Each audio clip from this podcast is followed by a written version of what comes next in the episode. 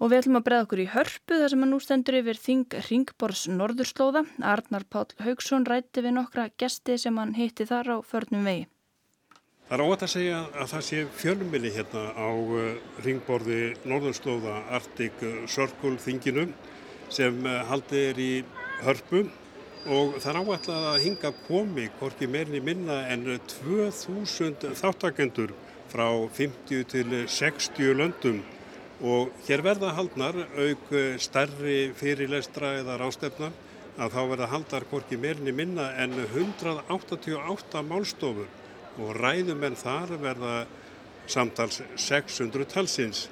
En ég stend hérna og horfi út eh, um klukkan og þar blasa við ísklumpar sem voru talfið stórir og voru settir komið fyrir og teknir úr jökli, settir eh, hérna niður fyrir utan og það segir kannski sína sögu að þeir eru orðnir ja, ansi litlir og eh, rástefnir líkur á morgun og það er ekki vist að þeir ja, nái að eh, lifa rástefnu tíman og að þeir heyri jafnvel sögunu til á morgun. En hvað er allt þetta fólk að gera hérna? Fyrst á vegi mínum er Tasa Elísard varaformaður samtaka ungmenna á norðurslóðum, Arctic Youth Network, sem starfar á heimsvísu. Hún segir að samtökin stiði við ungt fólk í tengslu við breytingarnar sem er að verða á norðurslóðum. Hér tala hún í málstofum og ræði við fjölmarka. To really just bring a youth voice to Arctic issues and make sure that young people are involved in the conversations. Tilgangurinn er að koma rödd ungmenna að í málefnu Norðurslóðu og ung fólk taki þátt í umræðinu, segir Tassa sem er frá Alaska. Hún segir að Ringborn Norðurslóða sé mikilvægur vettbangur fyrir ungt fólk.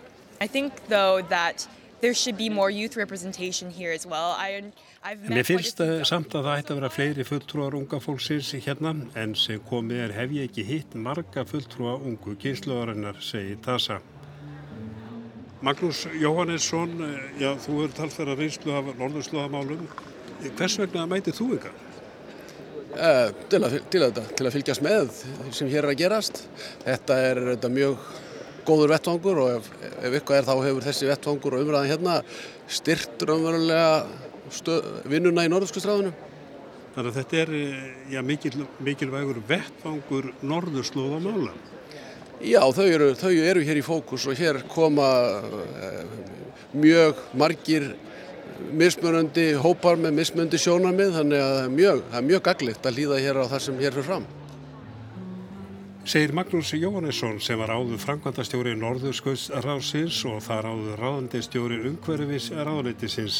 Næst er eksti á Annes Óskal sem er sami frá Kautokeino í Norður Norri og rítari heimsamtaka reyndýra bændan. Hvers vegna er hann hér? Hann svarar um að hæla, hann ætti kannski að svara því hvers vegna ekki. Dette er jo uh, en av de, de viktigste og uh, den, den, største arenaen for uh, arktiske spørsmål. hvor både beslutningstakere, politikere, forskere, næringsliv møtes og eh, diskutere viktige spørsmål for oss som, som representerer eh, de nomadiske urfolkene i nord. Þetta er einnig mikilvægast og stærsti vettvangur um málefni Norðurslóða, þar sem bæði þeir sem taka ákvarðanir, stjórnmálamenn, vísindamenn, atvinnulífið hittast og ræða mikilvæg mál sem varða okkur frumbyggjana í norðri, segir Óskal. Hann segir að þetta sé mikilvægt þing fyrir saman Hann er þarna ásamtu 17 ungum reyndýrabændum sem koma frá reyndýraskólanum í Kautokeino. Á 2000 manna þingi er ljóst að menn komur ímsum áttum. Kirkjuna menn láta sig ekki vanta. Heri Júansen er prestur í Þórsöfn í færium. Okkur finnst mjög mikilvægt fyrir okkur að fylgjast með öllum því sem er að gerast á norðurslóðum vegna þess að færiðar eru hluti á þessum og færingar náttúrulega fiska mikið á norðurslóðum og eh, ferðast og það skiptir miklu máli að, að, hérna, að höfun hérna, loft, lofti er reynd og það eh, verður búandi hérna fyrir, fyrir komandi kynslóð og að veðri verið þannig að það er hægt, það er, það, það er hægt bara að lífa þarna. Þess vegna finnst mér að við eigum, eigum að, le, að, að leggja okkar að mörgum til þess að, að hérna, hérna verð, verður, verður gott að búa um ókomnan tíma fyrir börn, barnabörn og svo framvegis. Heri er á þinginu með biskupi Færi og prófasti og tveimur öðrum prestum. Hérna rekst ég á sjálfan auðarringisráþarann, Guðlaug Þór, Þórðarsson. Já, ég spyrði bara eins og hérna, hvað er þú að gera þetta? Þetta er náttúrulega staðurinn sem við höfum að vera á. Þetta er auðvitað stórmerkileg samkoma og mikið afreg að, að koma þessu á laginnar. Við nýtum þetta bæðir nú ég með móttöku og held hér ræður og annað slíkt en ég nýti þetta líka til þess að hitta einu ímsaðil á tvílíðafundum. Því að það er ekkert á hverjum degi sem við fáum til tækifæri að vera með þennan fjölda af leittóum, bæði pólitískum en líka aðilum úr, úr umhverfi samtökum, atvinnlífi, vísverum heiminn og e, það er mjög mikilvægt að við e, nýtum það sem best og það gerum við svo sannarlega í utrækstjónustunni. Ef Norðurslóðamál skipta einhverja máli þá er það grænlendingan. Inga Dóra Markursen er samskiptastjóri útgerðarfélagsins Royal Greenland. Hún er að koma í fymta sinn á þingið og tók nú þátt í einni málstofu. Hún sér að þingið sé mikilvægt og sérstaklega í ár og það er myrkilega uh, hægt að sjá núna að þáttaka grænlendinga mikil en líka að þau koma með málefni sem eru mjög mikilvægt fyrir grænlendska hagsmunni og ég hef aldrei séð svo marga þáttökundu frá Grænlandi eins og núna í ár.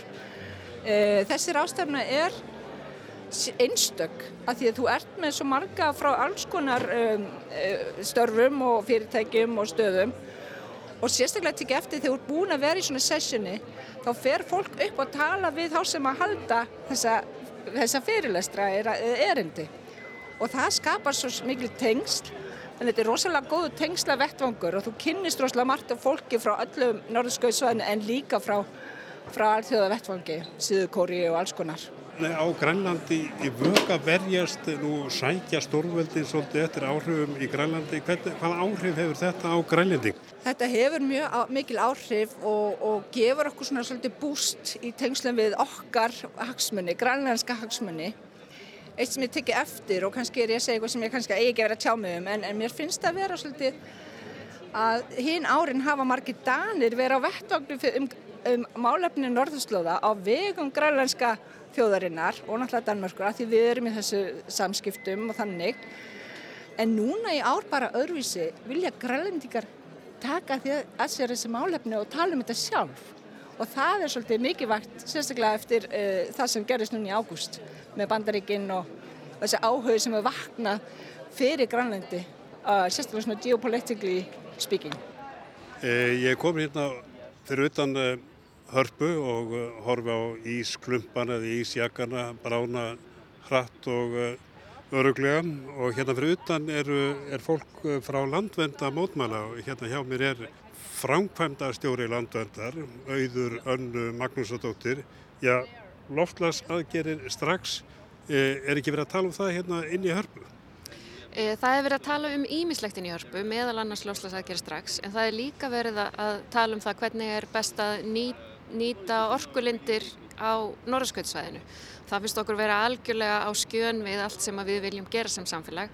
Þannig að við viljum vekja aðtegla á því að við verðum að fara í lofslasaðgerð strax og það að nýta oljulindir á norðskvöldinu er ekki lofslasaðgerð strax. Þannig að Artur Sörkul, ringborð norðusins, er ekki endilega vettfangur ykkar? Ekki endilega. Það er, það er mjög mikið af, við byrjum mjög mikið af málstofum hana og margt af þeim fjallar alls ekki um sjálfbarni eða, eða, eða hérna, umhverfismál og, og er jafnvel stríður og móti því eins og, eins og þessi málstofa. Þarna síðast heyrðum við í auði önnu Magnúsardóttur.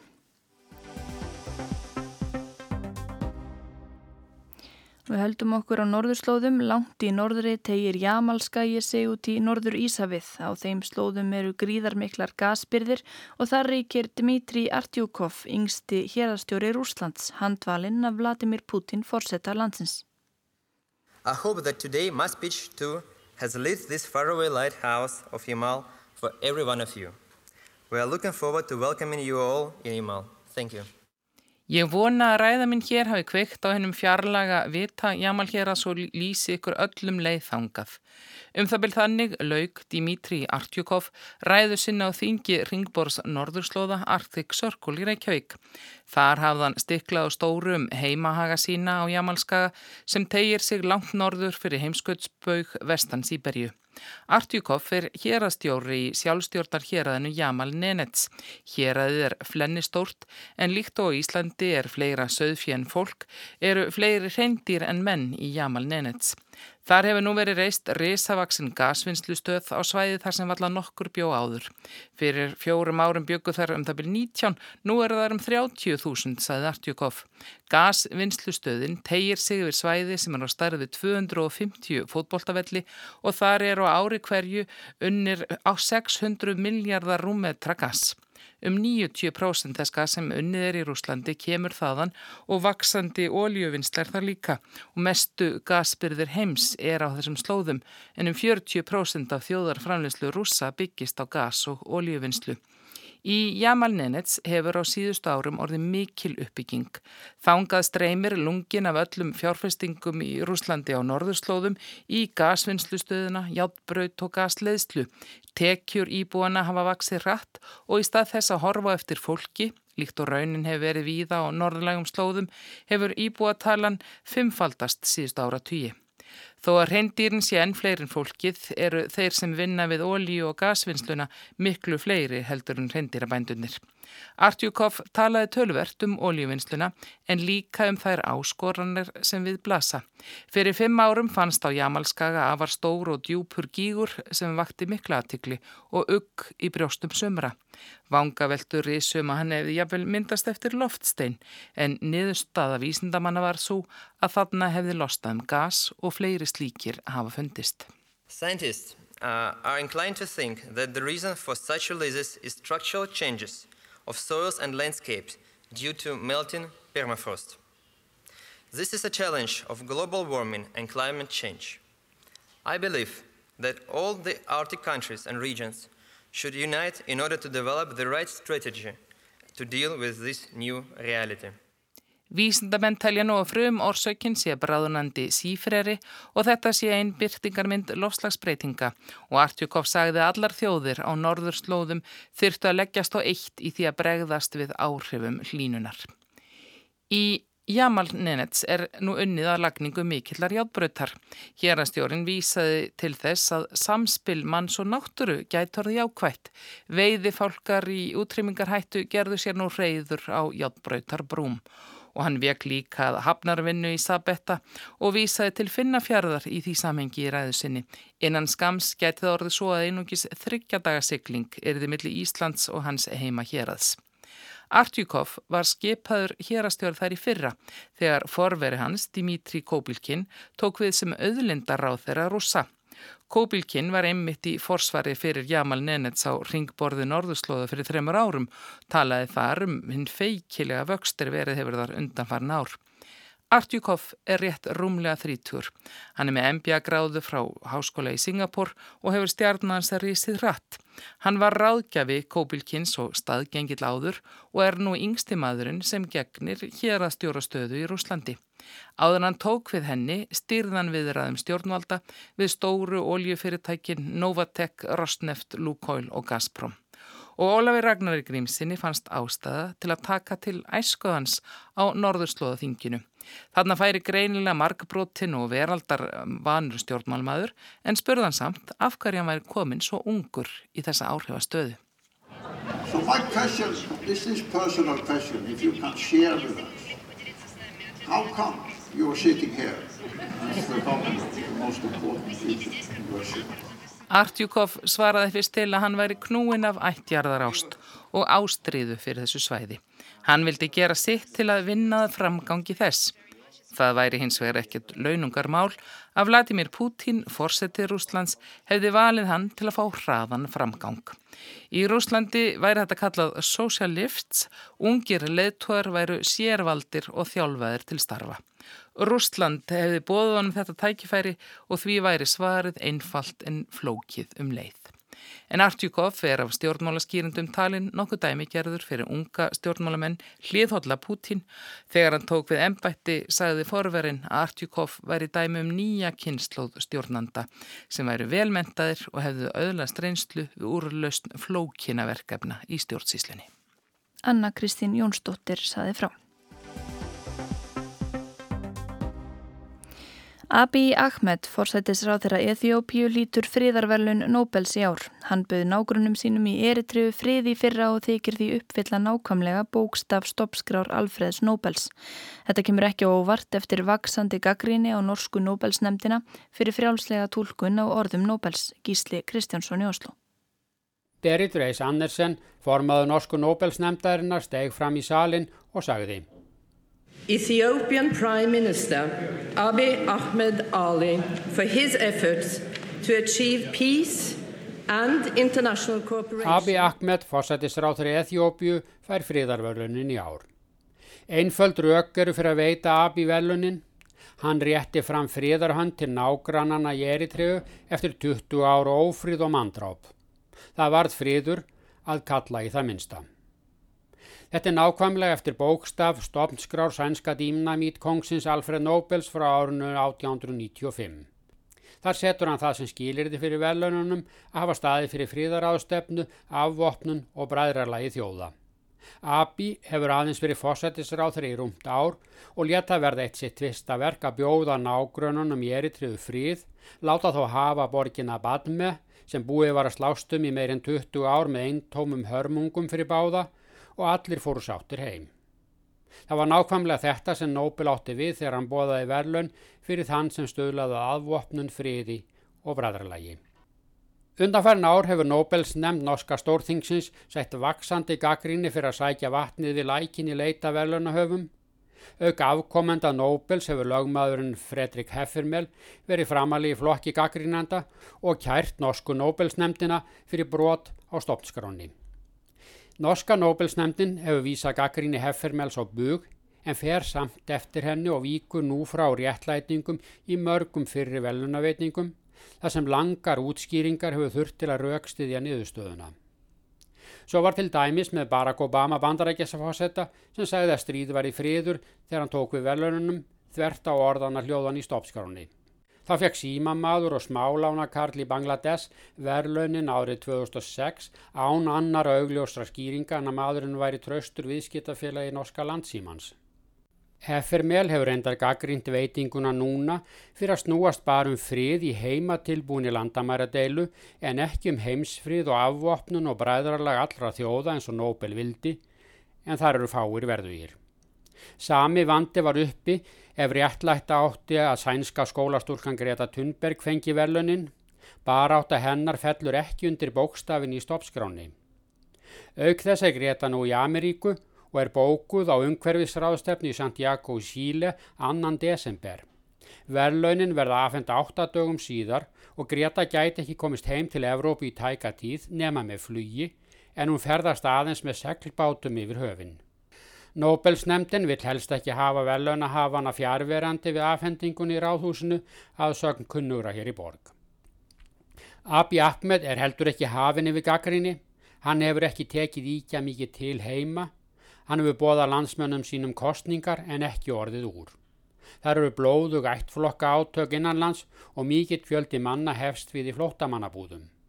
Það er því bæði líðræðis og fríðarhalli á þjóðarskútunni heima í Eþjópiu.